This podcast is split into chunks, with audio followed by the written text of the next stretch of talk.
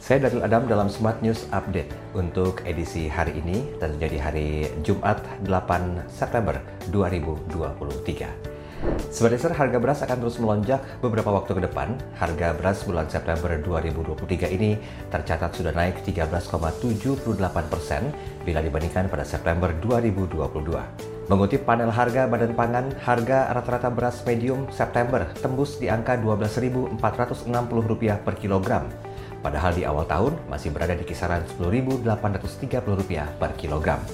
Ketua Umum Pengurus Pusat Perhimpunan Ekonomi Pertanian Indonesia Bustanul Arifin mengatakan sejumlah faktor yang menyebabkan terus meroket. Mulai dari dampak kemarau panjang, berkurangnya produksi, hingga membuat pedagang ketakutan kehabisan stok, serta efek India stop impor beras.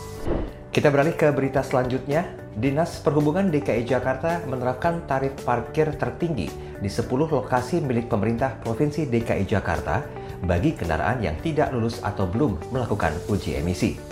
Juru bicara Satgas Pengendalian Pencemaran Udara Pemerintah Provinsi DKI Jakarta, Ani Ruspitawati mengatakan, deteksi itu dilakukan melalui plat kendaraan yang datanya sudah terintegrasi dengan Dinas Lingkungan Hidup DKI Jakarta. Ia mengatakan, dengan tarif parkir tertinggi, diharapkan dapat menekan penggunaan kendaraan pribadi dan mendorong masyarakat untuk beralih ke transportasi publik. Ke berita terakhir, Wakil Menteri BUMN Rosan Perkasa Ruslani mengatakan negara-negara di kawasan Asia Tenggara atau ASEAN menghadapi tantangan inklusivitas keuangan yang sangat signifikan. Lantaran sebagian besar penduduknya tidak memiliki rekening bank. Rosan menuturkan ASEAN menjadi rumah bagi 650 juta penduduk, namun lebih dari 70% penduduknya masih unbankable. Di sisi lain, ASEAN juga menghadapi kekurangan pendanaan untuk para pelaku UMKM yang diperkirakan mencapai 300 miliar dolar Amerika Serikat per tahun.